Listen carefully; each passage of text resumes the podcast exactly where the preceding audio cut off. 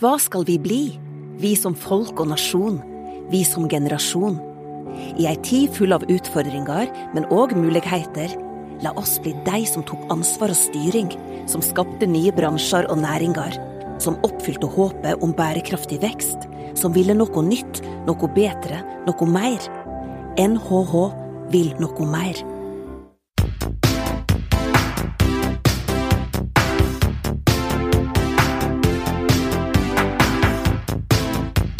Velkommen til en ny episode av Ledertaffel, NHHs podkast om ledelse. I denne podkasten kaster vi et blikk på aktuelle tema innen organisasjon og ledelse. Vi diskuterer hva forskningen sier, og vi kommer med noen av våre tanker om hva ledere kan gjøre annerledes for å lykkes der de er. Mitt navn er Marius Jones, og jeg er ph.d.-stipendiat her ved Norges handelshøyskole. I denne episoden snakker vi om følelser på jobben. Vi har med oss Jens Petter Tonning, som er faglig leder i Dealflow AS, og Elisabeth Nordmann, som er professor på Universitetet i Bergen. Vi snakker om hva følelser er, når de oppstår i organisasjoner, om det er bra eller dumt at følelser oppstår, og hvordan vi bør håndtere følelser på jobben. Velkommen til en ny episode av Ledertaffel. Skal snakke om følelser på jobben, og med meg så har jeg Elisabeth Normann, som er professor på UB, men begynner på NHH i juni som professor 2. Veldig glad for det. Og hun er også forfatter av boken Affekt og kognisjon. Velkommen til deg. Tusen takk. Så har vi også med oss Jens Petter Tonning, som er faglig leder i Dealflow. Velkommen til deg. Tusen takk. Og selvfølgelig fast podkastmakker og stipendiat ved NHH, Marius Jones. Velkommen. Tusen takk. Og for våre faste lyttere så vil dere kanskje stusse litt over at det er jeg og ikke Marius som introduserer gjestene i dag. Og det er fordi at Marius skal fortelle om sitt doktorgradsarbeid på gründerbedrifter og deres håndtering av følelser. Så i tillegg har vi altså vært så heldige å få med oss både en ekspert på følelser, Elisabeth, og en mm. mer praktiker i følelser, Jens Petter. Eh, ja. og, og, Marius har altså intervjuet Jens Petter i forbindelse med dette doktorgradsarbeidet, og som nettopp har opplevd en god del følelser det er å starte en ny bedrift. Så vi skal altså snakke om hva følelser er for noe, hvorfor organisasjoner skal bry seg om følelser, når oppstår de, hva skjer i forbindelse med følelser, kan vi i det hele tatt stole på følelsene, og kan vi vite noe om hvordan vi skal håndtere følelsene? Og som en liten cliffhanger til det som kommer etterpå, så kan jeg si at uh, en artikkel vi nå skriver basert på arbeidet til Marius, heter uh, Don't calm down i håndteringen av negative følelser. Så bare tenk litt på det, folkens. Ok, la oss starte med hva er egentlig følelser? Jeg har lyst til å starte med deg, Elisabeth, som er jo, kall det, eksperten her på akkurat tematikken. Ja, følelser er jo som alt annet et eh, begrep som eh, forskjellige folk vil definere på forskjellig måte. Ehm, det jeg vil si, er at følelser er på en måte et slags sekkebegrep. Eller følelser er på en måte den subjektive opplevelsesbiten av mange forskjellige tilstander. Og da tenker vi på emosjoner. sant? La oss si du blir veldig sint eller redd eller sjalu eller kjempeglad. Eh, men det kan også på en måte handler om hvilket humør du befinner deg i, som er en mye sånn roligere tilstand. Du er sur eller sånn syns livet er ok. Så snakker vi også om metakognitive følelser i forhold til oppgaveløsning og hukommelse. Sånn, så at du kan ha på følelsen av at det problemet du sitter midt oppi, kommer til å løse seg, selv om det ikke har løst seg enda. Det er en sånn type metakognitiv følelse, eller å ha det på tungen. Eh, og så snakker vi også om følelser knyttet til mer sånn fysiologiske, fysiske tilstander. At du er kjempetrøtt og sliten f.eks. etter å ha båret en tung sekk hele veien fra parkeringsplassen til hytten. Sånn at eh, følelser er på en måte i mitt hode et, et eh, det er den subjektive biten av alle disse tilstandene, altså hvordan noe kjennes ut. Vi kan også bruke begrepet affekt som mm. et sånt fint eh, sekkebegrep. Jeg syns det, det, er spennende for å, for å, legge til litt der også. og her blir det sikkert flere sant, syn på dette. her, for det er jo, Jeg har hørt det vært sagt at det finnes like mange definisjoner på følelser som det finnes følelsesforskere. Eh, og det tror jeg jo fort det blir. Mm. På en måte så er jo på en måte følelser noe som er veldig vanskelig å forklare, men så trenger vi kanskje ikke å forklare det så nøye, fordi at vi har jo alle kjent på det, ikke sant. Så mm. hva på en måte følelse er fra et sånt førstehåndsperspektiv, vet vi jo på en måte gjennom den erfaringen vi har med å kjenne på sorg og sinne og glede og alle de andre følelsene. Mm. Så tenker jeg det som man på en måte kan si noe om liksom, som følelsesforsker, er kanskje liksom hvor, hvor, de kommer fra, og, og hvilken funksjon de tjener. Um, og jeg synes En måte å forstå følelser på som har vært nyttig for meg, er å tenke at følelser er resultat av en sånn vurdering som hjernen vår gjør av ting som foregår i omgivelsene våre, som presenteres da som informasjon til oss. Mm. Så For å pakke ut litt den der, da, så kan man på en måte tenke seg at hjernen den sitter jo inni skallen vår og bombarderes hele tiden med masse inntrykk, både fra omgivelsene utenfor oss og omgivelsene inni kroppen. Og, og den må prøve å gjøre noen vurderinger av de, og en del av den informasjonen er ikke så relevant, men av og til så kommer det en del informasjon som er relevant for behovene våre. Og da setter du jo i gang en del ting eh, i oss. ikke sant? Så Vi kan tenke oss at vi går hjem i mørket for eksempel, og vi ser en sånn skummel skikkelse som, som er foran oss. Da vil jo på en måte hjernen kanskje da gjøre en vurdering om at her er det fare på ferde. Og den vurderingen setter i gang en del ting i oss. At vi får en del fysiologiske endringer, økt blodomløp, vi er klare til å på en måte handle på dette, kanskje handle og stikke av.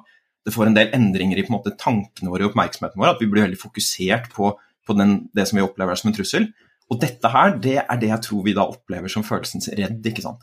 Så følelsen redd er på en måte, som du sier, Elisabeth, den subjektive siden da, av denne prosessen som skjer når hjernen vår har oppdaget et eller annet som den opplever som relevant for behovene våre.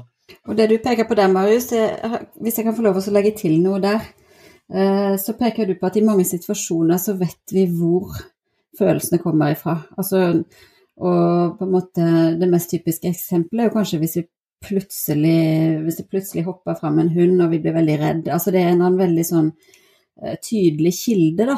Og en tydelig utløser. Og det er det jo ofte når det gjelder emosjoner. Vi vet hva det var som gjorde at vi ble glad eller redd eller sint eller hva det var. Eh, men så er det også mange situasjoner som du også peker på, hvor vi ikke nødvendigvis er helt klar over hva som skapte følelsen. Sant? Vi sitter igjen med en veldig dårlig magefølelse eller en, eller annen forventning, men vi vet ikke helt hvorfor. Eh, og det er egentlig i de situasjonene at eh, følelsene blir en viktigere informasjonskilde i seg selv. Sant? Så la oss si man sitter i et møte, og noen har lagt fram en sak, og alt tilsynelatende objektivt sett er på stell, men så har du likevel en sånn litt sånn uro, en liten ekkel følelse. Og du klarer ikke å peke på nøyaktig hva det er. Og da kommer jo spørsmålet som, som du sa, Marius, er det da Kan det være fordi at du på en måte ubevisst har fanget opp et eller annet som faktisk er viktig i situasjonen? At du har lest situasjonen på en eller annen en eller annen måte, og at følelsen du sitter inne med, faktisk har noe viktig informasjon i seg. Og da begynner det å bli veldig interessant. Ja, og, og jeg syns jo det er spennende å høre dere to eh, forskerne, eh, akademikerne, snakke om dette, liksom definisjonsmessig. Så får jeg lyst til å høre med deg, Jens Petter. Hva, hva, tenker du når du hører de snakke om dette? Ja, jeg kommer nok ikke til å bruke like fine ord på alt. det gjør men, men, men, det er vel også derfor jeg er her. Eh, yes det som ble sagt til slutt nå, liksom det der med å sitte i et møte, det kan jeg skrive under på at det skjer ganske ofte hos oss, der vi har møte med klienter. Alt stemmer på papiret, men så er det et eller annet vi på en måte ikke helt klarer å sette fingeren på. Og så tar vi en avgjørelse basert på det etter en kort avsjekk med gjerne den du hadde som co-pilot i møtet. Da. Og da er det følelsene som styrer. Vi har en eh, det er et eller annet som ikke skurrer, som vi sier. Da Da kan vi bruke det som en noe, Da tar vi en avgjørelse basert på det, enkelt og greit. Og så litt sånn som Marius uh, altså Vi har jo hatt mye følelser i, på, på, andre ting også. Og da er det litt sånn å kanskje skru av bryteren, altså den der følelsesbryteren. At det er av og til følelser oppstår, og du veit hvor uh, følelsen kommer fra, men du får ikke gjort noe med den. Og da er det av og til bare greit å ha den evnen til å på en måte, Ja, jeg skjønner hvorfor den er der, men jeg er nødt til å skru av den bryteren. Sant? Jeg trenger ikke adrenalinet her nå, jeg trenger ikke økt blodomløp her nå. Jeg har jo lyst til å spørre deg, Jens Petter. Sant? Du er jo dratt inn her fordi at Marius oppdaget noe veldig spennende hos dere i forhold til det å snakke om følelser. Kunne du dratt oss igjennom litt sånn, kall det din reise i å Eh, tenke på følelser på jobben, snakke om følelser på jobben, og i det hele tatt ja, eh, tenke og snakke mer om følelser. For jeg regner med at det har vært en reise. Du, du begynte vel ikke sånn akkurat rett fra, fra studiene? Nei, jeg eh, hadde en eh, veldig bra jobb i S-banken. Og så ble jeg Ole, eller Ole ble kontakta først eh, av gründerne av Dealflow, og hørte om eh, han ville være med. Og Da sa han ja, det vil jeg, men på én betingelse. Da skal Jens Petter være med. Vi hadde jobba ganske tett i en del år i S-banken, så vi kjente hverandre veldig godt. Og visste at vi fungerte veldig godt i gode og onde dager. Da gikk du fra en trygg jobb eh, over i noe som var veldig nytt. Eh, veldig ulikt det vi hadde jobba med før, selv om det var innen finans. Og da kom jo I starten så satt du der Hva er det jeg har gått til nå? Du skulle begynne å se om det i hele tatt var butikk i det her, og det gikk veldig trått i starten. sant? Og da, da hadde du de type følelsene som du sant? Du kjente litt på. Er det liv laga? Uh, har jeg jobb uh, om et halvt år? Den type følelser. Og det er jo selvfølgelig sant? Du bryr jo deg da om selskapet du er i. Men da var det viktig å skille mellom å ligge våken på kveldene og tenke veldig mye på det, eller krumme nakken og gjøre det beste ut av situasjonen med det du faktisk kunne gjøre noe om. Sant? Det var liksom yte det beste når du var på jobb, og så prøve å skru av den der eh, angstfølelsen når eh, du var ferdig for dagen og skulle gjøre andre ting. Og så har jo ting gått bedre og bedre, så nå er det mer ikke den der eksistensielle angsten som vi hadde for selskapet. Nå er det mer sånn har vi gjort alt skikkelig? Og Det kan vi sikkert snakke en god del om senere i episoden, vil jeg anta. Men, men, det er det at du har opplevd på denne arbeidsplassen at det, flere følelser har oppstått enn du har opplevd tidligere i mer sånn kallet trygge jobber, og at dere også har evnet å snakke litt mer om det enn det du har vært vant til da? Ja, fordi det, det er jo helt riktig, sant. Fordi i S-banken så, så, så, er det liksom Der er jo på en måte komiteer for det ene og det andre, og, og det blir på et annet nivå. Her er det korte beslutningsveier. Mm. Du er nødt til å være på innsiden av hodet til, til de som er rundt deg til enhver tid, egentlig. Fordi du, du, er avhengig av at man drar i nøyaktig samme retning til enhver tid, og at alle, er, alle kjemper like hardt. Sant? Fordi i en, en bedrift med 400 ansatte, hvis det er 20 stykker som ikke ror veldig hardt, så går nok den bedriften veldig bra for de om. Sant? Men hvis du er fire ansatte, så ror ikke man i takt eller ror i forskjellig retning, så, det, så går det fort veldig, veldig galt. Mm. Så da var det tydelig høy takhøyde, veldig direkte kommunikasjon. Det tror jeg Marius kan skrive under på. Absolutt det, det, jo, det, gikk jo greit med meg og Ole, vi kjente hverandre fra før. Eh, men de andre kjente vi ikke. Men det har etter min mening gått veldig greit. Vi, men vi tar jo av og til noen sånn kontrollspørsmål. Er vi for harde nå? Men så, men så, kan man merke det litt på dynamikken òg. Du blir ganske hardt mobba hvis du gjør dumme feil hos oss. Altså, det, det er ganske sånn stygt hvis uh, det kan Utenfra så kan det sikkert oppleves som ganske sånn Nesten som mobbing.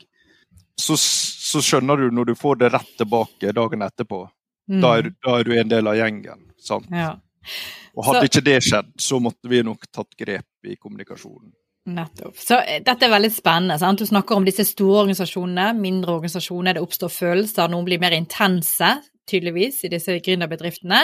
Så liksom et overordnet spørsmål er jo ok, her oppstår følelser. Hvorfor skal vi i organisasjoner generelt bry oss om følelser? Hva tenker dere, Elisabeth Marius? Jeg tenker jo at en, en, viktig ting å på en måte avklare eller bevisstgjøre seg selv eh, i forhold til sånn innledningsvis, det er jo at, at nå snakker vi ikke om følelser sånn som type hos psykologen følelser. Altså det er liksom ikke Nei. sånn jeg tenker at følelser er jo en del av virkeligheten. Og når vi fire sitter og snakker sammen akkurat her og nå, så, er det noen følelser inni hver av oss. Det er noe på en måte bare altså Du kan tenke på det som en sånn opplevelsesdimensjon som hele tiden er der. Sant? Enten de følelsene handler om at vi er sultne, eller at uh, vi er slitne, eller vi er spent, eller det er noe vi gruer oss til eller gleder oss til, eller hva som helst. Det ligger der som en, en kontinuerlig opplevelsesdimensjon.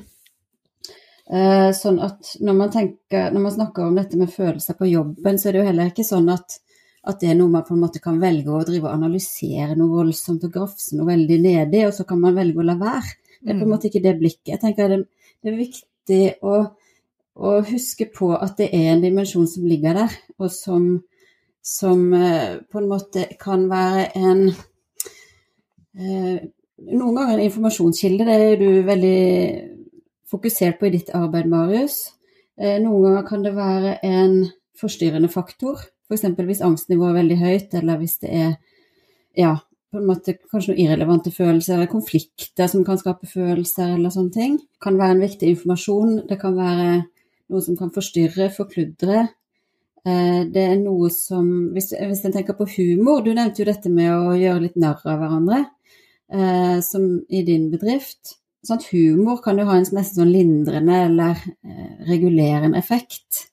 Så jeg tenker at, hvis Tilbake til spørsmålet litt, hvorfor er det viktig på en måte å å være opptatt av det med følelser på en arbeidsplass. Jeg tenker jo det er jo eh, det er jo nesten selvsagt, for det er en dimensjon som ligger der hele tiden. sånn at det vi heller tenker jeg må, må, må jobbe med, er å gjøre noe med kanskje lederes holdning til følelser. På en måte denne bevisstgjøringen av at fordi om mm. du som leder er opptatt av følelser, det betyr ikke at du på en måte har inntatt rollen som hobbypsykolog. Det er på en måte det er heller en slags realisme i det, at dette må vi også ta hensyn til. Hva tenker du, Marius? Jeg er veldig enig i det, mye av det som Elisabeth sier her, og som jeg syns en del av det Jens Petter også illustrerer. Da. For jeg tenker det sånn, Kanskje det korte svaret på det er jo at dette er en ting som du sier, Elisabeth, som er til stede i egentlig alle interaksjoner da, og gjennom hverdagen vår, og som påvirker hvordan vi bruker oppmerksomheten vår, og hvordan vi tenker, og hvilke valg vi gjør. Så Hvis man på en måte ignorerer følelser da, på jobb, så tenker jeg at da går man glipp av eh, Eller da ser man bort ifra en del av de faktorene som vi vet at påvirker hvordan folk oppfører seg. Og Dette tror jeg ofte går oss litt sånn hus forbi også. At det er lett å tenke at liksom mange av beslutningene våre er veldig sånn styrt av vår egen rasjonelle tenkning. Hvor det er ganske mange studier da, som demonstrerer at når man på en måte gjør et eller annet da, for å påvirke følelseslivet til folk, så tar de ofte andre valg uten å vite det selv. Mm. Eh, og Sånn sett så kan man jo si at dette kan jo være en bra ting, ikke sant? sånn som jeg ofte sier, og som du nevner her, Elisabeth. Følelser kan være en god informasjonskilde som gjør at vi kan gjøre bedre valg. Man ser f.eks. også at det påvirker folk på andre måter. At når folk er i godt humør, så har de en tendens til å bli mer kreative, f.eks. Så sånn sett så kan følelser være en, en, ressurs. Jeg tenker også de negative følelsene, som sinne og frustrasjon, kan jo på en måte fungere litt som en sånn alarmklokke, tror jeg, i bedrifter. Hvis du sitter i et møte og du er frustrert for noe, du er redd for noe, så kan det være en informasjonskilde som du faktisk bør ta høyde for. Det er um, en beskrivelse av Bill Gates uh, i en bok som heter Good to Great, hvor han blir beskrevet som en leder som var veldig mye styrt av det som der blir kalt produktiv paranoia. Og I det så ligger det at, uh, at, Bill Gates var en leder som gikk rundt og var redd hele tiden for konkurrentene sine. Men ikke på en sånn redsel som på en måte lammet han, da, men på en redsel som gjorde at han hele tiden var proaktiv for å prøve å håndtere de truslene som kunne ødelegge for Microsoft i fremtiden. Og Det brukes da i den boken der som en forklaringsvariabel på hvorfor Bill Gates funket så godt som leder. Så der har du på en måte Følelser er noe vi må bry oss om, fordi det kan være ressurser. Og så har du andre siden, da, som man kanskje sier der, at følelser kan kanskje være det verste også i organisasjoner. Um, som ofte kan kanskje være en motstandsgreie mot endringsprosesser. Det kan være litt ubehagelig å måtte gjøre ting, sånn at vi, blir mer, vi viser mer motstand. Jens Petter, du sier dette her med å ligge våken om natta, som kan være en, en, et resultat av angst på jobb. Um, og, og, da er det jo kanskje mer å snakke om at vi også må håndtere følelsene også. ikke sant? Så det er noe som faktisk kan kanskje være det beste som fins for jobb. Det er fint når folk er entusiastiske og, og sånn. Og så kan det kanskje være noe av det verste også, som gjør at folk sliter seg ut og ønsker å slutte, og ikke ønsker å være med på det som skjer også. Og mm. i begge tilfeller så må man på en måte forholde seg til det. Da. Så det dere egentlig sier er ja, det er jo helt opplagt at organisasjoner skal bry seg om følelser, for dette er i oss, det oppstår i organisasjoner. Men da blir jo liksom min nysgjerrighet liksom vekket. Ja, men hvordan bryr vi oss da? Sant? Fordi at du, du, sa litt om det, Elisabeth, at ja, du skal ikke være hobbypsykolog heller. Altså Som leder, hva betyr det å bry seg om følelser? Er det bare å ha en bevissthet rundt det, eller er det å skape et rom for å snakke om dette? Er det, er det, eller bare si at jeg er, jeg er, klar over at her foregår det ting. Altså, Har dere noen refleksjoner rundt det med å, hva betyr det å bry seg om følelser, da, hvis det er viktig? Ja, eh, jeg liker jo å si at vi elsker å dyrke angst i Flow. Eh, og det, det, har litt sammenheng med bransjen vi opererer i. Sant? Vi er jo gjennom, gjennomregulert, så små detaljer kan være utrolig viktige.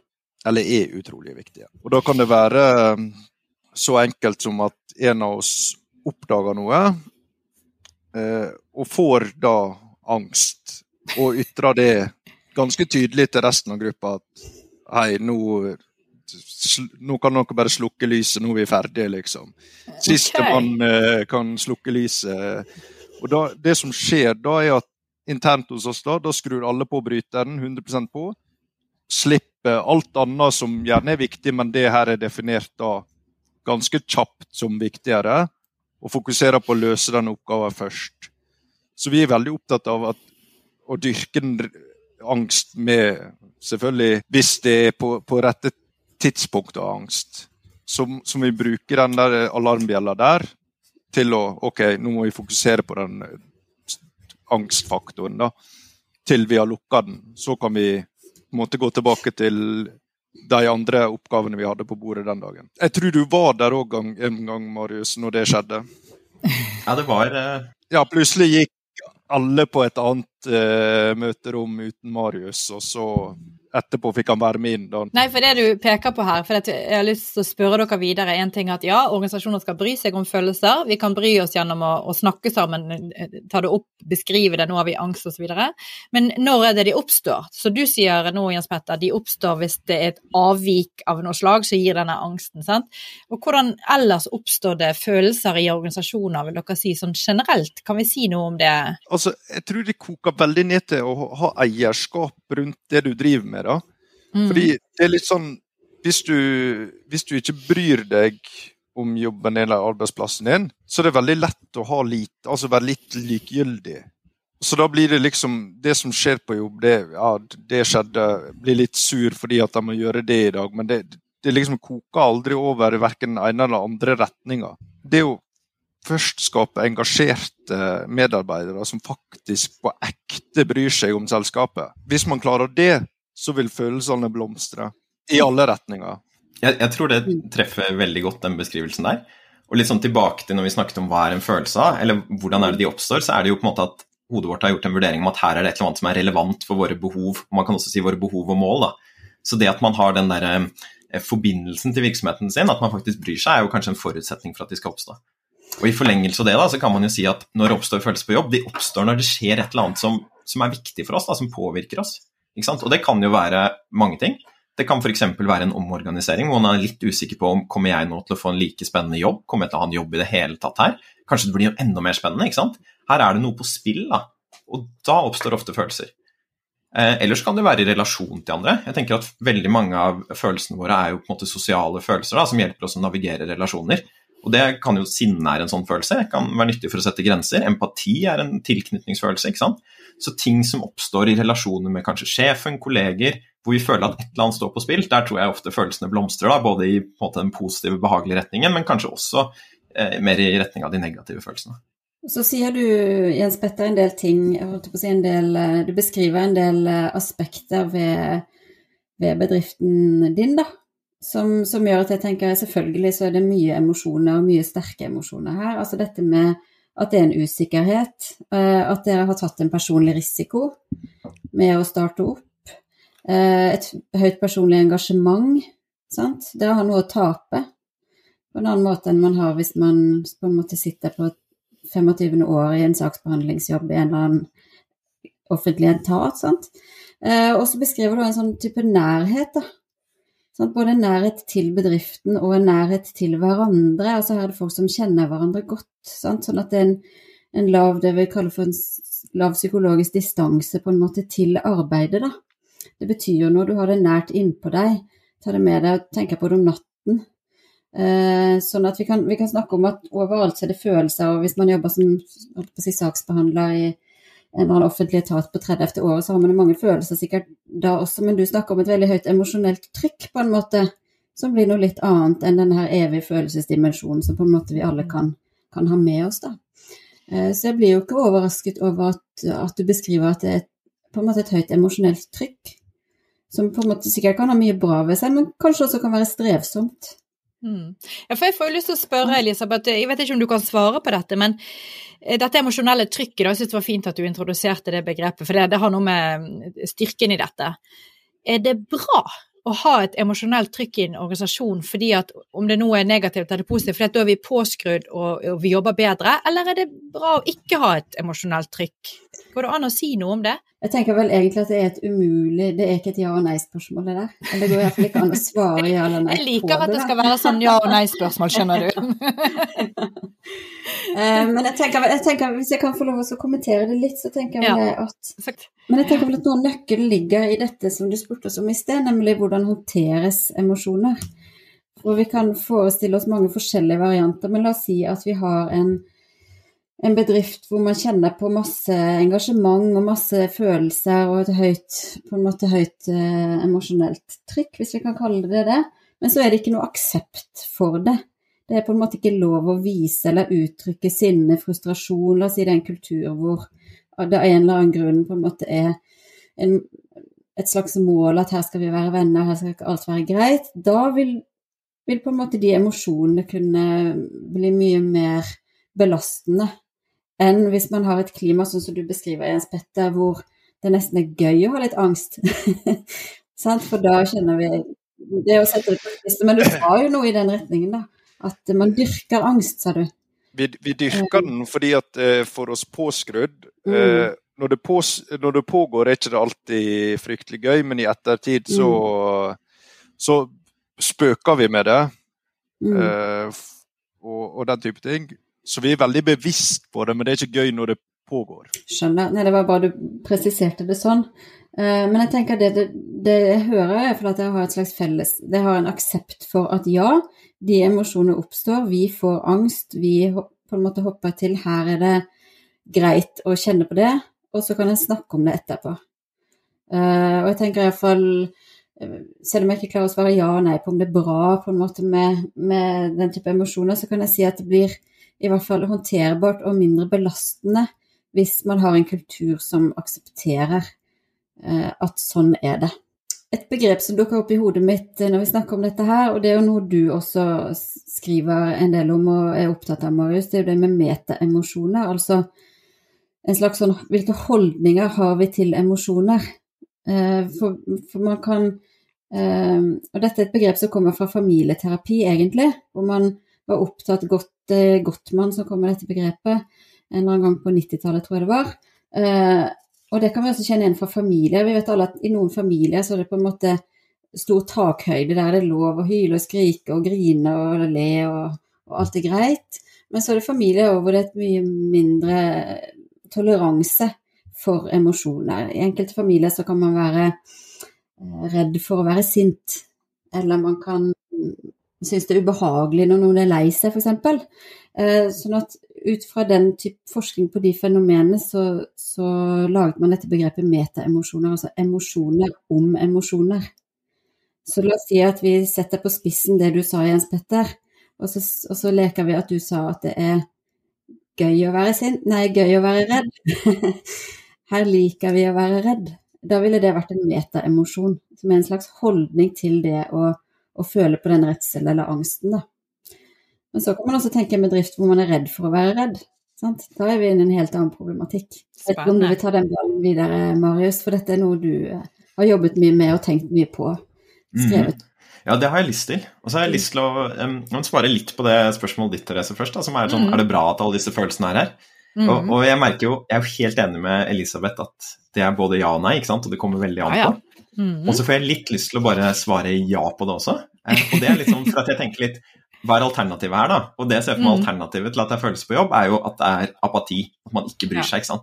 Vi ønsker engasjerte medarbeidere, men så kan de også bikke over, og veldig ofte på en del studier som måler sammenhengen mellom eh, tilstedeværelse av følelse i organisasjonen og utfall, så ser de ofte at sammenhengen har en sånn omvendt U-form.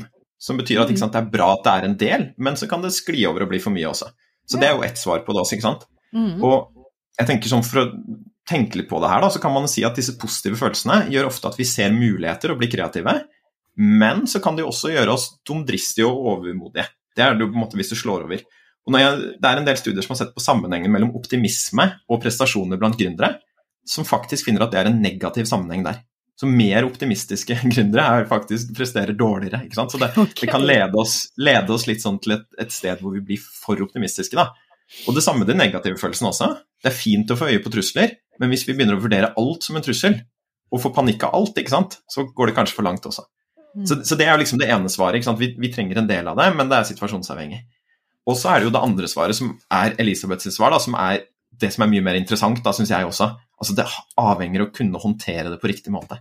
Mm. Og jeg tenker, det med følelser av informasjon, ikke sant.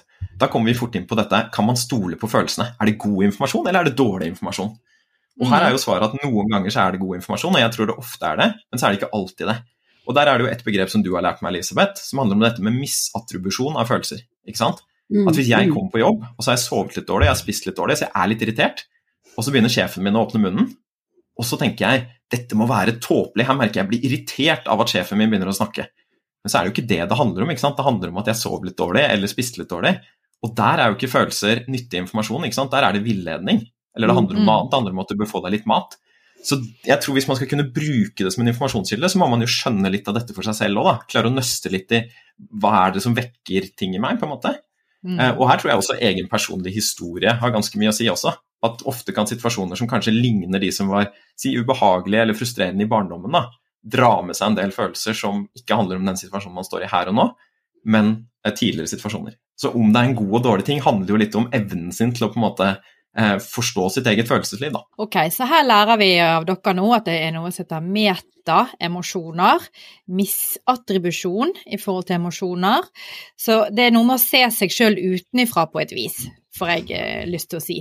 Og så kom jeg til å tenke på dette begrepet emosjonell intelligens, som er litt sånn omstridt i litteraturen. Men, men handler det i så fall om disse tingene her, at de som da har høy emosjonell intelligens, er flinkere til å ta inn til et sånt type metaemosjonelt perspektiv og, og skjønne når de misattribuerer? Altså, går det an å snakke noe rundt det?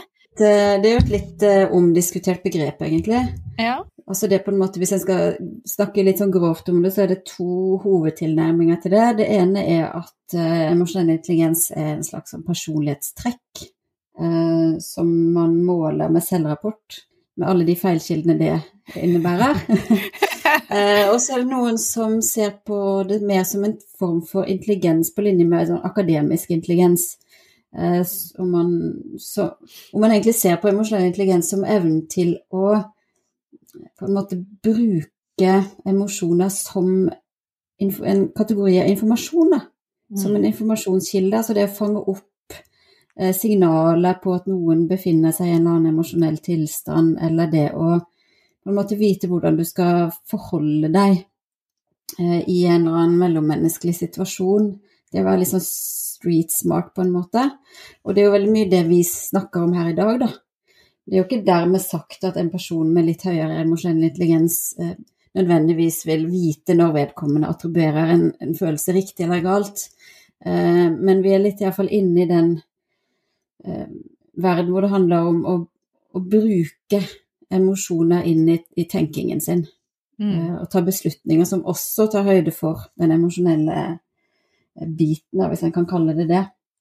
Men jeg tror at vi alle sammen, når det gjelder kognitive skjevheter, og når det gjelder sånn type feilslutninger og sånt, så tror jeg ikke det er så enormt mye vi kan gjøre for å forebygge det. Altså vi, vi kan alle sammen, uansett hvor mye vi har lest, uansett hvor emosjonelt intelligente vi er, så kan vi alle komme i skade for å gjøre sånn som Marius sa, at vi misliker noen vi treffer en dag, eller misliker noe sjefen sier en dag vi har sovet dårlig og er sulten og sur og må på do. Mm. Sant? Altså, vi, klarer, vi kan på en måte kanskje intellektuelt sett se at du nå kan det hende at det er litt ekstra sur pga. et eller annet fysisk, men, eh, men så klarer vi ikke helt å skru det av likevel. Du ser det ofte, du ser det ofte når det er for seint. Ja, du ser, du, det er akkurat det. Ja. I ettertid. Ja, du ser det når det er for seint. Eh, og, og, og der peker du på det på en måte, da, da blir det viktig at når man kjenner på den der litt dårlige følelsen, som du beskrev innledningsvis, Jens Petter, når man sitter i et møte, eh, og så får man en veldig dårlig følelse man ikke klarer å sette fingeren på, og det er kanskje flere rundt bordet som får den følelsen, så kan en da hoppe på den og si, vet du hva, nå bare bestemmer vi sånn. Eller skal man ta en ekstra tenkerunde, og da vil jeg kanskje si, bruk den dårlige magefølelsen og, som et signal om at en skal ta en ekstra tenkerunde. Hvordan ser det ut eh, når den eh, dårlige magefølelsen oppstår hos dere, Jens Petter? Hvordan, har du noen sånne måter å håndtere det på som er mer eller mindre emosjonelt intelligent? Nei, altså, vi tar jo aldri en avgjørelse i, i møte sant, med Nei. kunden. Eh, da trekker vi oss Da finner vi en eller annen exit, at vi kommer tilbake til dem. Og så tar vi en diskusjon i teamet og ser om én klarer vi å finne ut hvorfor vi har den.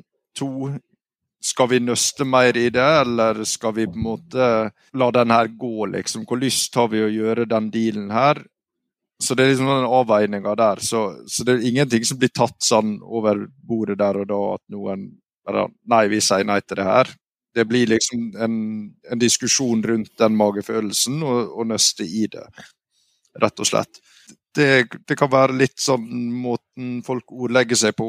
Sant? Så det er veldig sånn diffuse ting. Og så er det litt sånn Da tar vi heller et uh, møte med de involverte og de som ikke var involvert, til å fortelle liksom dette er casen, men det er noe som skurrer her, vi klarer ikke å sette fingeren på det. Skal vi ta et nytt møte, eller skal vi bare la det gå, eller ja. Og det du beskriver der, er jo litt knyttet til det du snakket om i sted, Marius. Kan vi stole på følelsene våre? For det der du beskriver nå, er jo en, en vag følelse, sant? Du sitter der. Det er noe til sammen her som gjør at vi sitter med det du beskriver som en dårlig magefølelse, som jeg blir nysgjerrig på hvordan skal vi beskrive det, men, men kan vi da stole på den? Og har du noe erfaring, da, for dette høres ut som dette har oppstått flere ganger, at ja, det var riktig å stole på den følelsen, eller ops, nei, vi kan like godt ta feil? Altså, vi har, uh, vi har prøvd begge deler, og det, som vi har, vist seg at det er, når det er noe som skurrer, så stemmer det som regel uh, uten at vi Altså, det går iallfall ikke den veien vi hadde trodd. sant? Så det, er, det ligger noe, men det kan jo på en måte bare være tilfeldig. Og datasettet mitt er ikke stort nok til å, til å liksom komme med en konklusjon på om vi eh, nei, nei. treffer mer enn vi bommer. Men jeg tror nå en gang litt på at i vår bransje er det jo typisk veldig unge bedrifter. og Mennesker du møter er en stor del av de selskapet vi finansierer. Sant? Så får vi en dårlig følelse av de personene, eh, så er det kanskje like greit å ta det på, på den magefølelsen. Dette er jo også sånn uh, spørsmål som er vanskelig å si noe generelt om. ikke sant, uh, Therese? Sånn, kan vi alltid stole på, på, måte, på følelsene som informasjonskilde? Mm. Og så er det jo sånn der, ikke sant, at um, med all data så er det jo noe signal og noe støy. Og jeg tenker at man bør behandle følelser litt på samme måte. Og noe som vi har på en måte skrevet liksom, på slutten av den artikkelen vår, er jo at kanskje man bør forholde seg til følelser på en måte hvor man sier at de skal ikke ha det siste ordet, men at de skal ha det første ordet ofte. Mm. Um, og, det er, hvert fall, det er jo ikke noe sånn på en måte at det er noe som vi har sett akkurat det, på en måte, men hvis jeg skal tenke litt da, med hvordan skal man forholde seg til dette med at følelse kanskje er en informasjonskilde, så, så, tror jeg det kan være en fornuftig måte å gjøre det på. Og da må man jo ha en takhøyde for å få lov til å dele det, ikke sant.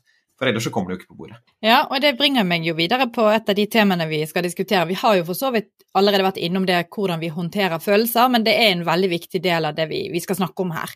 Altså hvordan håndterer vi følelser? Og som jeg sa i cliffhangeren min i introen, eh, så skriver vi altså en artikkel som heter Don't Calm Down, som sier noe om at negative følelser er fra litteraturens side sett på som at noe du skal regulere bort og ned, ikke ha det. Og så finner du da, eh, Marius, gjennom disse gründerbedriftene du har fulgt at nei, det kan kanskje være nyttig og nesten, så vi sier elevate, altså heve de opp og, og, virkelig dyrke de. Og det er jo litt det du har snakket om, Jens Petter, når vi bruker angsten for det det er verdt, ikke sant? Og, og det syns jeg vi skal grave litt i nå. Altså håndtering av følelser. Og Elisabeth, hvis vi skal begynne liksom på emosjonsregulering og litteraturen rundt det, hva, hva, er det det handler om, å håndtere følelser? Det kan egentlig handle om veldig mye forskjellig. Hvis du tenker på en emosjon, altså det handler om, ofte om å regulere emosjoner, f.eks. sinnemestring eller regulere angst, så går det på en måte an å adressere det hvis, fra mange ulike vinkler. På samme måte som du kan tenke at en emosjon har en fysiologisk komponent, subjektiv opplevelseskomponent selvfølgelig, og også en kognitiv komponent. Dette du snakket om med kognitiv vurdering. Motivasjonell komponent her også. Men så kan vi gå inn på en måte på hver de komponentene. Altså en, vi snakker om kognitiv revurdering, altså kan jeg forstå situasjonen litt annerledes. sant? Mm. Uh, la oss si at jeg ble sinna fordi at noen uh, åpnet døren min uten å banke på. Plutselig sto de inne på kontoret mitt og begynte å mase. Og jeg ble sint pga. det så kan jeg kanskje regulere det sinnet ved å tenke ok, kan det være at det var en grunn til det? Kan det være at det var noe som hastet? Kan det være at vedkommende kanskje hadde prøvd å banke på og jeg ikke hørte det? Altså, bare for å bruke et veldig banalt eksempel, da. Mm. Så kan man også gå inn rent fysiologisk og pusteøvelser og, og, den type ting. Og så tenker jeg at eh, emosjonsregulering kan også handle om det å, å prøve å få litt grann distanse. Altså det eldste trikset i boken er vel å telle til ti. Ja. altså, vi har vel alle fått beskjed om det fra foreldrene våre og sånn, men eh, Og det er jo rett og slett altså det å få ting bitte lite grann på avstand. Det er å legge ting til side. Gå hjem, sove på det. Eh, det er ikke alltid man kan det, for sant, vi kan være midt i et raserianfall og ha behov for å gjøre et eller annet der og da, men, men det med psykologisk distanse er noe jeg har vært litt opptatt av når det gjelder affektregulering. Det å få noe på avstand. Eh, da tenker vi om det på en litt annen måte, og vi føler også om det på en litt annen måte. Eh, hvis jeg skal bare få lov å spore bitte litt av på det med psykologisk avstand, så er det jo også sånn altså det å tenke om en hendelse som er veldig nær oss, da blir det veldig konkret, sant? Noe som er veldig tett på, noe som skjedde i dag, i sted, noe som skjer akkurat nå. Da er det veldig tett og nært og kan vekke veldig sterke emosjoner. Men det å ha det bitte litt på avstand gjør at vi kan tenke litt mer abstrakt om det. Og dermed blir følelsene heller ikke, ikke så sterke, da. Eh, og i litteraturen eh, eh, så leste jeg et sted om dette her. Et eksempel som ble gitt der, var et tannlegebesøk tannlegebesøk som, du, som skal finne sted om fem minutter, det kan jo være ganske sånn angstprovoserende. Eller å sitte i tannlegestolen og vente på at tannlegen gjør klar bedøvelsessprøyten. Det kan være fryktelig ubehagelig. Men det å tenke om det samme tannlegebesøket på, litt, på litt avstand, da, en uke seinere eller to, en måned før, da tenker du kanskje om det tannlegebesøket som det er viktig at jeg passer på tennene mine, og det er viktig at jeg holder styr Eh, at jeg passer på meg selv og sånt. Og da kan det kanskje til og med vekke positive emosjoner. Sant? Sånn at nøyaktig den samme hendelsen, begivenheten, eh, kan oppleves veldig forskjellig på et klosshold og på avstand. Sånn at det er også et element inn i affektregulering. Jeg får en sånn historie som jeg nesten må fortelle der, da, med et eksempel på det, som jeg hørte ut av en av de her gründerne jeg snakket med. Jeg er ikke sikker på om det var hos dere, Jens Petter, eller noen andre. Men det var en som sa at når jeg kjenner meg skikkelig frustrert på jobb, så ser jeg for meg at jeg er et sånt på et kart i sånn Google Earth og bare zoomer ut og ut, og så ser jeg hele Norge, og så ser jeg hele verden, og så ser jeg bare at jorda er en sånn liten klump i verdensrommet. Og det tenker jeg er et veldig sånn spennende eller fint eksempel på mm. sånn eh, psykologisk distansering. da, At man på en måte mm. flytter seg vekk fra situasjonen sånn visuelt, for at, måte, at det skal være litt mindre eh, emosjonelt. Og at mm. liksom, Når man ser seg selv innenfra, da, så kan det bli veldig sterkt, men hvis man på en måte løfter blikket og ser at oi, jeg er jo en sånn liten ting inni universet, mm. så blir det kanskje noe som roer seg litt. da. Det er jo egentlig et nydelig eksempel. Ja, Jens Petter, jeg vet ikke om dette resonnerer. Har dere et så bevisst forhold til det med psykologisk distanse at når dere skal dyrke angsten, så må vi gå litt ut, litt inn? Altså, fikk lyst til å bare høre med deg hva du tenker, uten at du trenger å bruke begrepet psykologisk distanse, men kjenner du noe igjen her? Ja, absolutt. Av og til så oppstår det jo situasjoner der man har angst, og så viser det seg eh, etter ett minutt ekstra titt på det, at det var ingen grunn til å slå full alarm. Så da går man inn i sneglehuset igjen og føler seg litt dum. Så alt med måte, som det heter. Det der, ja, det der du sa med Google Earth sant? Man, Til syvende og sist så er det liksom eh, Det finnes større problemer i verden enn om vi eh, gjør eh, den der tingen vi gjør eh, om den, om den, gikk bra eller ikke bra. Det er viktig å tenke på at det finnes absolutt større problemer enn det vi har inne på kontoret den dagen. Vi er jo litt sånn Det kan jo av og til gå en kule varm. Ikke oss imellom nødvendigvis, men Og da er det ofte at vi merker at vi blir flinke på Skal jeg sende dette, eller skal vi skal vi moderere oss. Og så, okay. og så, kommer han som ikke er så involvert og like engasjert i den uh, dealen. Nå, nå, nå, skal vi være litt mer strategiske her, liksom. Ikke sende den i, i, affekt. Å få ting litt på distanse ved å tenke seg om to ganger er, er lurt. Innenfor mindfulness er man jo nå snakker jo alle om mindfulness, jeg blir nesten redd for å nevne det, men uh, Vi har hatt en egen episode her uh, med Per Einar Binder, Elisabeth, ja, så vi har vært ja. dypt inni det. Ja, det har jeg forresten sett, ja. Så er jo et viktig prinsipp der, det er jo egentlig å kunne innta et litt sånn avstandsperspektiv til egne følelser, i den forstand at man får en bevissthet om at følelser er noe som kommer og går, og at hvis en kan på en måte klare å være litt observerende når det gjelder det, så er det også noe som, som kan hjelpe oss til å håndtere følelsene her og nå. Hvis jeg blir kjempesint, f.eks., eller kjemperedd, um, og så klarer jeg på en måte å se at oi, nå ble jeg redd, Uh, det er jeg nå, men, men, det kommer jo Om en stund så kommer det til å gli, gli over i noe annet, eller forsvinne, eller bli, bli svakere, mm. på en måte. Eh, og klare å ta det blikket på det, som egentlig også innebærer en form for psykologisk avstand, vil jeg si. Mm. Mm. Så det var det ene. Og det andre er, er det med humor.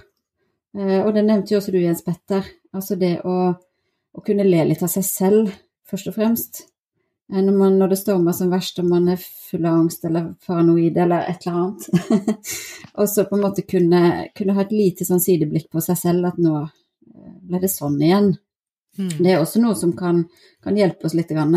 Hvis, hvis, vi greier i det hele tatt å ta det perspektivet. Da. Ofte så er det jo sånn i kampens hete at vi overhodet ikke har selvironi. Vi er ute av stand til å ta og se oss selv utenfra. Men, men i det øyeblikk vi, det begynner å gå an, så tenker jeg at det kan være en, en fin ting. Med måte, selvfølgelig. Vi skal jo ikke rakke ned på oss selv heller.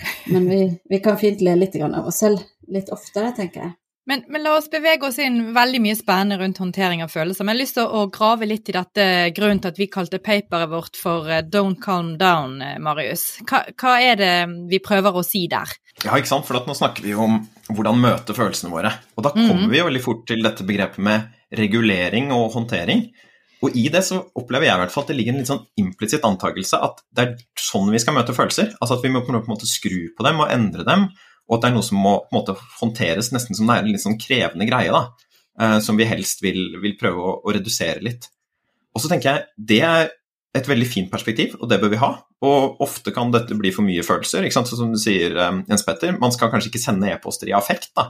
Og hvis jeg tenker hvor man er da, så er det kanskje at man tenker denne omvendte U-en, hvor det er veldig veldig mye følelser. ikke sant? Og da er du på et sted hvor det, her, her kan du kanskje ikke stole på følelsene dine, og, og det blir mer ugagn enn godt da, av å, å, lytte til dem. Men så er det jo også annen side av hvordan møte følelser, som er hvordan kan vi bruke de som ressurser? Altså hva er det vi bør gjøre for at følelsene våre i enda større grad kan bli ressurser for oss? da? Eh, og det er den som vi prøver å belyse litt i sånn, artikkelen vår. Og jeg tenker sånn, Når vi sier hvordan er følelser ressurser, så har vi jo snakket litt om at det kan være informasjon. ikke sant? Det kan fortelle oss noe nyttig. Og den informasjonen kommer jo ikke frem av seg selv. ikke sant? Noen steder så blir denne følelsen liggende i individet. Altså at man ikke deler det med de andre. Og da kan man ikke bruke den til noe. Mens andre steder så har man jo på en måte muligheten til å dele det, og da blir det plutselig nyttig informasjon. Så en måte å bruke følelser på, eller være flinke til å bruke følelser på, er jo, tror jeg, da, å senke takhøyden for hva det er lov å snakke om med følelser. En annen ting er jo at følelser kan være en drivkraft. ikke sant? At når disse følelsene vekkes i oft, så øker det ofte innsatsen vår. Hvis man er engasjert, eller også ganske frustrert, så er man kanskje villig til å gå en ekstra mil for det. Og Derfor så kan det jo være litt dumt hvis man roer seg ned hele tiden ikke sant? Når, man, når det bobler litt, fordi at man kan bruke dette her som en sunn drivkraft for å få ting gjort. Og En tredje måte er jo også at det å kunne uttrykke følelser og møte andres følelser, er noe som kjennetegner høykvalitetsrelasjoner. Så Der er det jo en forsker som heter Dutton, som har prøvd å beskrive hva er det som kjennetegner gode relasjoner mellom mennesker, både på jobb, men jeg tror ellers også.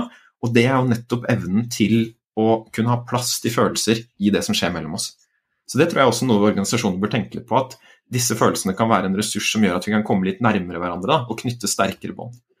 Og poenget er igjen da, dette kommer ikke av seg selv. ikke sant? Det handler om noen valg vi gjør som organisasjon. Hva slags mm. normer vi har i vår organisasjon knyttet til hvilke følelser er det greit å ha, og hvilke følelser er det greit å uttrykke. Som ofte kan man kalle dette en emosjonell kultur. da, Altså normer knyttet til hvordan vi på en måte håndterer følelser eh, hos oss.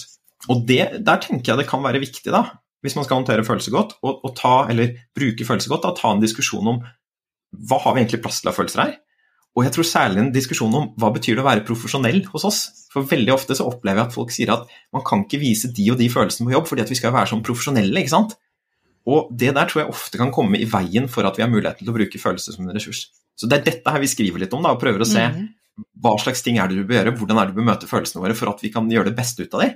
Og så må man også selvfølgelig ha med seg dette perspektivet som handler om at man av og til må regulere de også. Så det er jo ikke enten-eller, enten på en måte bruke Nei. eller regulere, men at man bør klare å ha de to tankene i hodet samtidig da, når man skal tenke på hvordan møte følelsene. Ja, og, og, det er jo noe med et stikkord du bruker her. for Når du begynte å snakke litt Elisabeth, i sted om emosjonsregulering, så høres det jo veldig ut som det, det individet selv. Vi skal telle til ti.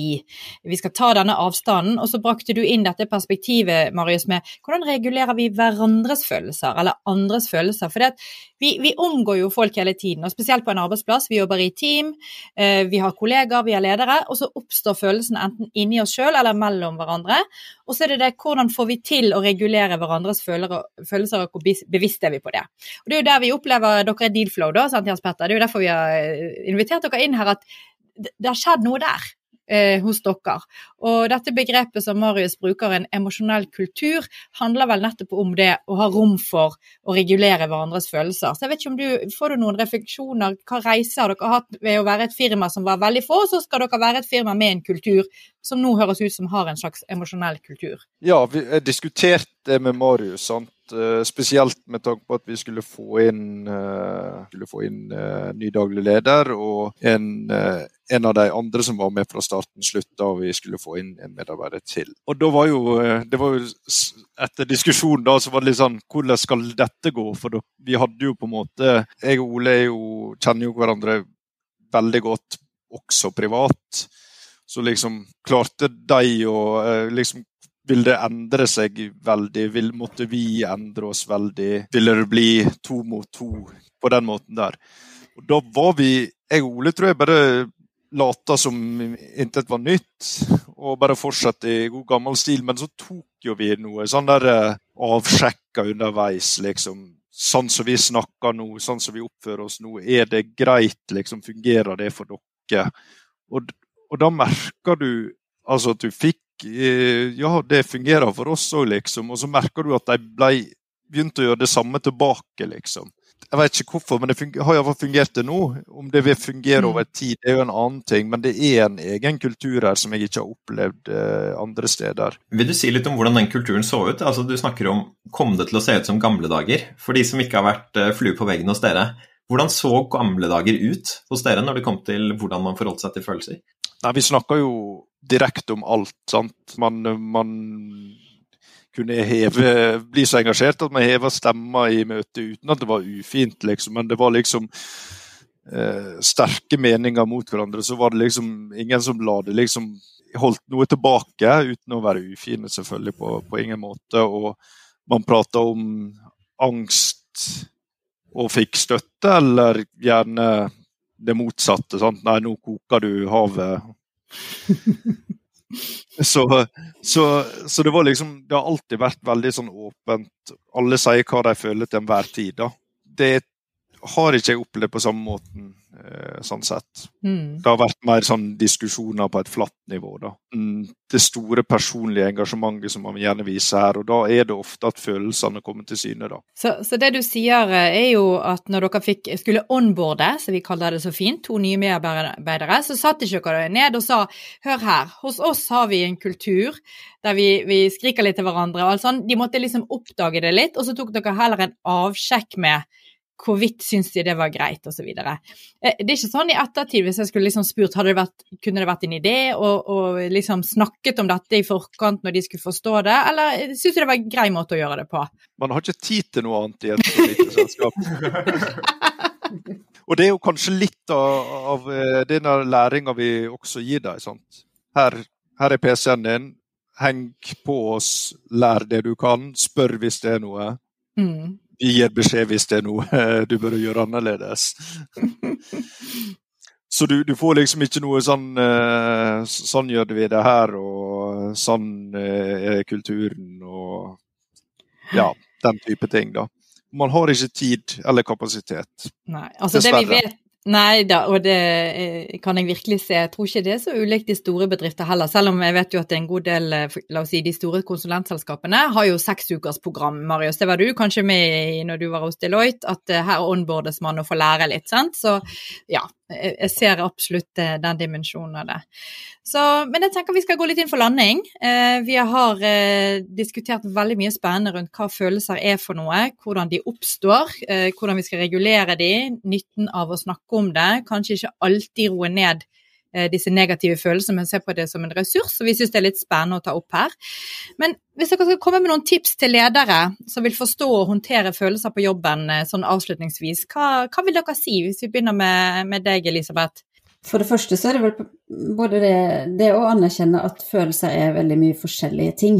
Sånn at hvis mm. du som leder skal forholde deg til følelser, så handler ikke det om at du plutselig må begynne å ta stilling til hvem som er forelsket i hvem, eller på en måte irrelevante emosjonelle ups and downs, men, men at det handler om om også å lodde stemningen, og også ta alvorlig hva folk er bekymret for, og risikoopplevelsen til folk, og, og folks i tillegg til å være opptatt av på en måte objektive, saklige, faglige vurderinger som folk sitter og gjør, også ta hensyn til på en måte fortløpende et sånn magefølelsesaspektet ved det.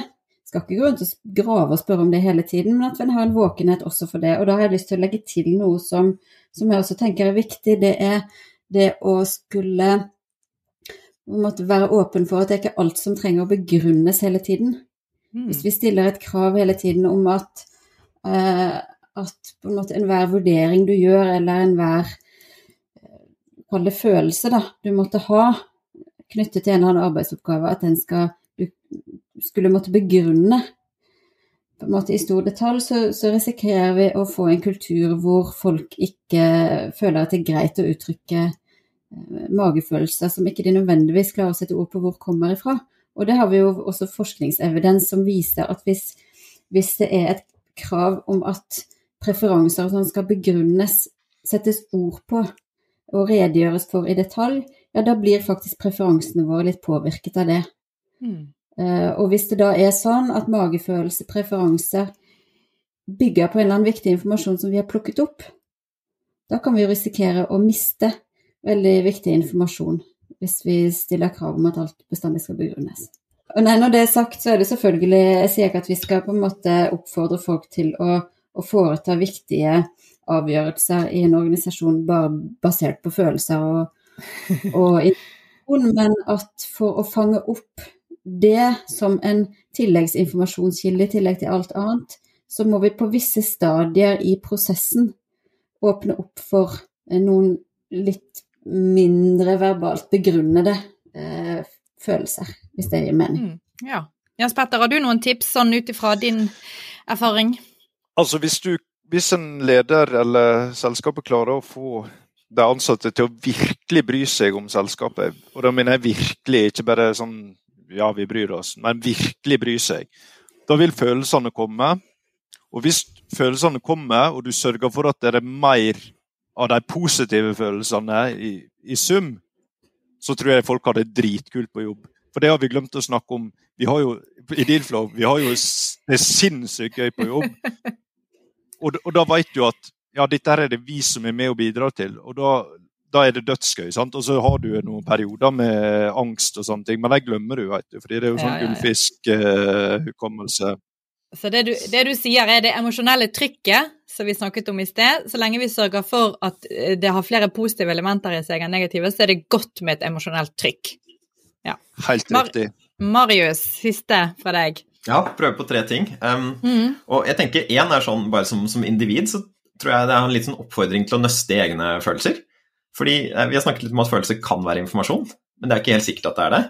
Og en måte man kan eh, bli litt flinkere til å bruke følelser som informasjon, er å prøve å finne ut hvordan er det jeg reagerer på ting. ikke sant? For følelser er jo et resultat av vurderinger, og de er jo subjektive. Så det kan jo hende at man av og til blir sinna og lei seg og alt tullet eh, på en måte som kanskje ikke sier så mye om situasjonen der ute. da men ser mer om seg selv, om hvordan man selv funker. Så det å bli litt nysgjerrig på hva er det som skjer i meg da, når jeg opplever masse angst, eller når jeg får litt sånn out of character moment, når jeg gjør et eller annet eller reagerer på en måte som ikke helt gir mening i etterkant, det tror jeg kan være et ganske sånn verdifullt og spennende sted da, å starte både for seg selv, men også for sine medmennesker. da. En annen ting som er et sånn, sånn, lite tips, jeg tror, for nå har vi snakket mye om å på en måte klare å uh, uttrykke også de negative følelsene, kanskje også sinne. Et sånn lite tips som jeg har opplevd som veldig givende for egen del, for å få til det på en måte som ikke blir sånn brutalt og uh, skummelt for andre. For det kan jo sinne være, ikke sant. Hvis vi skal gå rundt og være mm. sinte på folk på jobb, så kan det se skikkelig stygt ut. Så tipset for å unngå det, vær sint, men husk å holde det positive samtidig. Så at hvis man kjenner at nå bobler det litt, og nå har jeg lyst til å si ifra til deg, og nå har jeg lyst til å slå i bordet, kjenn har du noe positivt mot den personen også? Er det noe empati mot den også? Og klarer du å holde det samtidig? For det opplever jeg at veldig ofte tar brodden ut av det som kan være litt stygt og skummelt med sinne. Og dette her har jeg bare erfaring fra med relasjon til min egen kjæreste, men der funker det faktisk veldig bra. Så man prøver å koble på det positive også. Og så det siste er da ha en diskusjon om normer knyttet til følelser eh, der hvor man er. Mm. Fordi eh, igjen så opplever jeg at denne her på en måte tanken om at man skal være profesjonell, ofte blir på en måte et hinder for å kunne liksom dele følelser. Og mange som jeg snakker med på jobb, er liksom sånn jevnaldrende som sier at jo, jeg føler ditt og datt, men det kan jeg jo ikke si, for hos oss skal vi være profesjonelle. Og av en eller annen grunn så har vi fått det for oss at profesjonell det betyr også å gjemme bort veldig veldig mange av følelsene sine. Og det tror jeg er skikkelig uheldig. Og, um, og det der er jo noe man kan gjøre noe med gjennom måte ha en litt sånn åpen dialog da, om hvilke følelser er det det er plass til her, hvordan kan vi ha plass til dem, og hva betyr det å være profesjonell kontra dette her med følelser. Glimrende. Syns vi har lært masse jeg, om følelser, så jeg håper at eh, lytterne våre der ute syns det, det samme. Så tusen takk til Elisabeth, Jens Petter og Marius. Tusen takk. Takk for meg. Tusen takk.